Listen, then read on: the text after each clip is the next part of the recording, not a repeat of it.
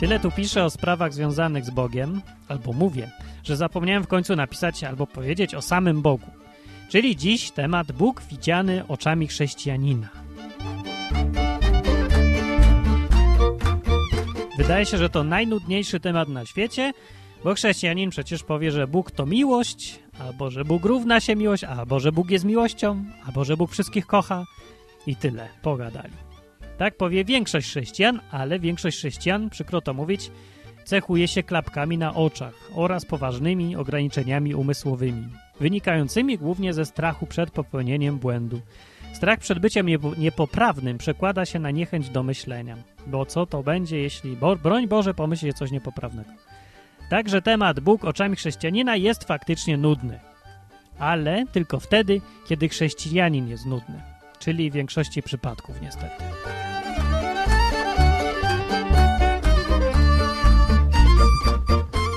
Żeby więc było o czym pogadać, skupmy się na tych chrześcijanach odmieńcach, dla których wiara siedzi nie tylko w sercu, ale i w mózgu. Dla takich ludzi Bóg zazwyczaj nie jest różowy, pluszowy i do przytulania. Nie jest też prymitywem, o którym nie da się nic powiedzieć poza wymienieniem jednej cechy. Jaki więc jest? Jest różnorodny. Dla każdego trochę inny. Ale ja uważam, że ma wiele charakterystycznych cech, które wyróżniają go bardziej niż ta słynna teoretyczna miłość. Dlaczego teoretyczna? Bo kiedy się o niej mówi, to zwykle się teoretyzuje, że jest absolutna, nieskończona, doskonała, wszechogarniająca i tak dalej. Zawsze robi wrażenie, chociaż nic nie znaczy. Ja tak myślę, że jakby Bóg poczytał, co o nim piszą teolodzy, intelektualiści, to by sam siebie nie poznał. Ale nie czyta, bo zamiast tego zapewne czyta Richarda Dawkinsa i, i surfuje sobie po serwisie racjonalista.pl i co chwilę wyciera łzy, które mu do oczu napływają ze śmiechu. I to jest jedna właśnie z charakterystycznych cech Boga wisielcze poczucie humoru. Czarny humor nie powinien się nazywać czarny humor, powinien się nazywać humor Jehowy. Jehumor. Jehumor. Ale jeszcze bardziej fascynującą cechą Boga, a związaną z Jehumorem jest jego przewrotność. A dokładnie chodzi mi o specyficzny sposób reżyserowania życia ludzi, który najlepiej opisać w, king, w kilku, w kilku punktach.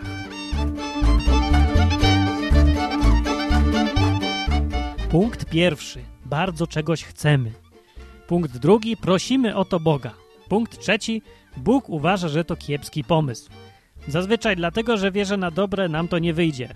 Tak przewiduje. Bo żył jednak trochę dłużej na tym świecie, świecie i ma doświadczenie. Punkt czwarty. Narzekamy, że Bóg nam tego nie dał. Nie zauważamy przy tym, że tak postępując odwracamy rolę, stawiając Boga w miejscu kogoś, kto ma służyć, a nie komu służyć my mieliśmy. I tu następuje punkt piąty, który powinien brzmieć Bóg nam daje w łeb. Oraz punkt szósty, Bóg powtarza punkt piąty. Tak długo, aż oprzytomniejemy albo zdecydujemy się przejść do punktu siódmego, o treści następującej. Zrywamy z Bogiem, tudzież wypinamy się na Boga, ewentualnie mówimy Bogu, gdzie nas może pocałować, skoro nas tak traktuje. Punkt piąty w tej postaci jednak często nie następuje i w tym, twierdzę, tkwi bardzo charakterystyczna cecha Boga połączona z jehumorem. Punkt piąty brzmi bowiem często Bóg nam daje to, co chcemy. Dalej wypadki toczą się tak, że już nie sposób podpiąć je pod jeden schemat. Ale zawsze zaczynam się od punktu szóstego, który mówi to, co dostaliśmy jest zupełnie inne niż się spodziewaliśmy. I na tym polega cała przewrotność Boga, że potrafi powiedzieć nie, mówiąc tak, dać coś, a jednak nie dać tego. Przypomina mi to bajkę, którą kiedyś słuchałem w telefonie. Pamięta ktoś jeszcze? Bajki na telefon? Dzwoniło się pod trzycyfrowy numer, chyba 926 czy 226, jakoś tak. I w słuchawce leciała bajka. Nie było wyboru, jaka to bajka, jak to za PRL-u, czyli pełna wolność od konieczności dokonywania wyborów. No, ale leciała. I pamiętam, że w jednej z tych bajek jakaś tam księżniczka, sierotka czy inny kopciuszek miała wykonać niemożliwe zadanie, żeby coś za to dostać, jakieś wiedźmy czy czegoś.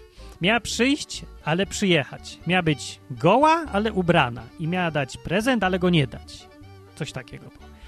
No więc Pryciula pomyślała i zrobiła co następuje.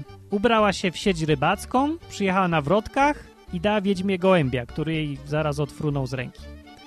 I to jest właśnie ten rodzaj niemożliwych zadań, do których Bóg ma szczególną słabość. O ile w ogóle można powiedzieć, że Bóg ma do czegoś słabość. Tak, Bóg jest przewrotny, istnuje przewrotne plany. I cała Biblia jest pełna przykładów.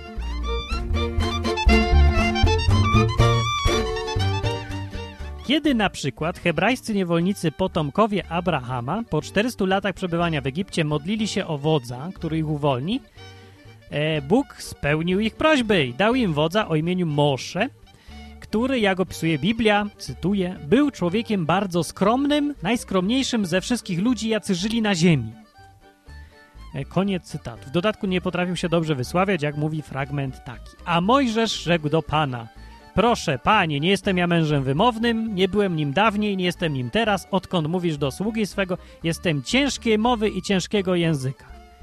No i Hebrajczycy spodziewali się, że Bóg przyśle im kogoś w rodzaju Terminatora, Aleksandra Wielkiego, Rambo 4 i tak dalej, a tymczasem zjawił się ktoś, kto był najskromniejszy z ludzi i nie umiał mówić. I kto wie, czy się nie jąkał na przykład.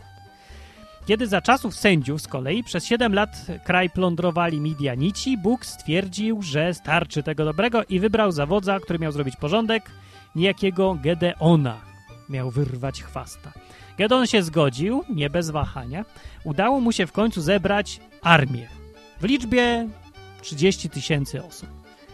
Nie sądzę, że tego się spodziewał. Z taką armią Midianici by ich nakryli czapkami. E, A już na pewno nie spodziewał się, że Bóg następnie powie: Nie, tak to być nie może. Was jest za dużo i z 30 tysięcy zostawi 300 osób. A najbardziej spektakularnym przejawem przewrotności Boga było pojawienie się Jezusa, który okazał się zupełnie innym typem Mesjasza niż miał być.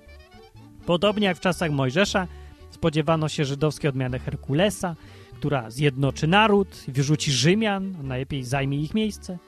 A tu pojawił się człowiek, co prawda charyzmatyczny, ale podejście do rzeczywistości miał kompletnie nieżyciowe, polityka go nie interesowała, a militarnie to już w ogóle popierdółka.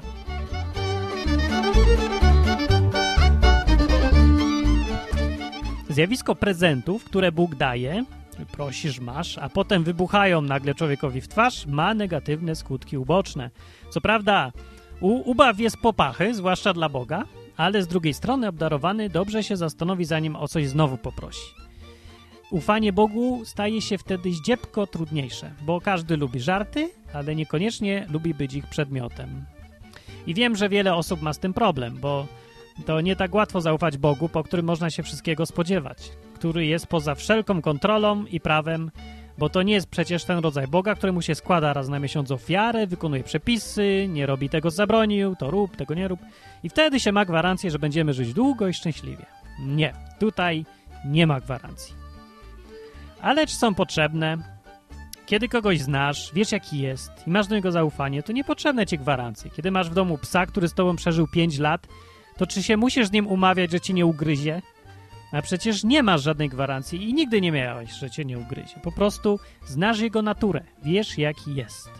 I wiemy też, jaki jest Bóg. I na przykład taki cytat. Czy jest między wami taki człowiek, który gdy go syn będzie prosił o chleb, da mu kamień, albo gdy go będzie prosił o rybę, da mu węża? Jeśli więc wy, będąc złymi, potraficie dawać dobre dary swoim dzieciom, o ileż więcej Ojciec wasz, który jest w niebie, da dobre rzeczy tym, którzy go proszą.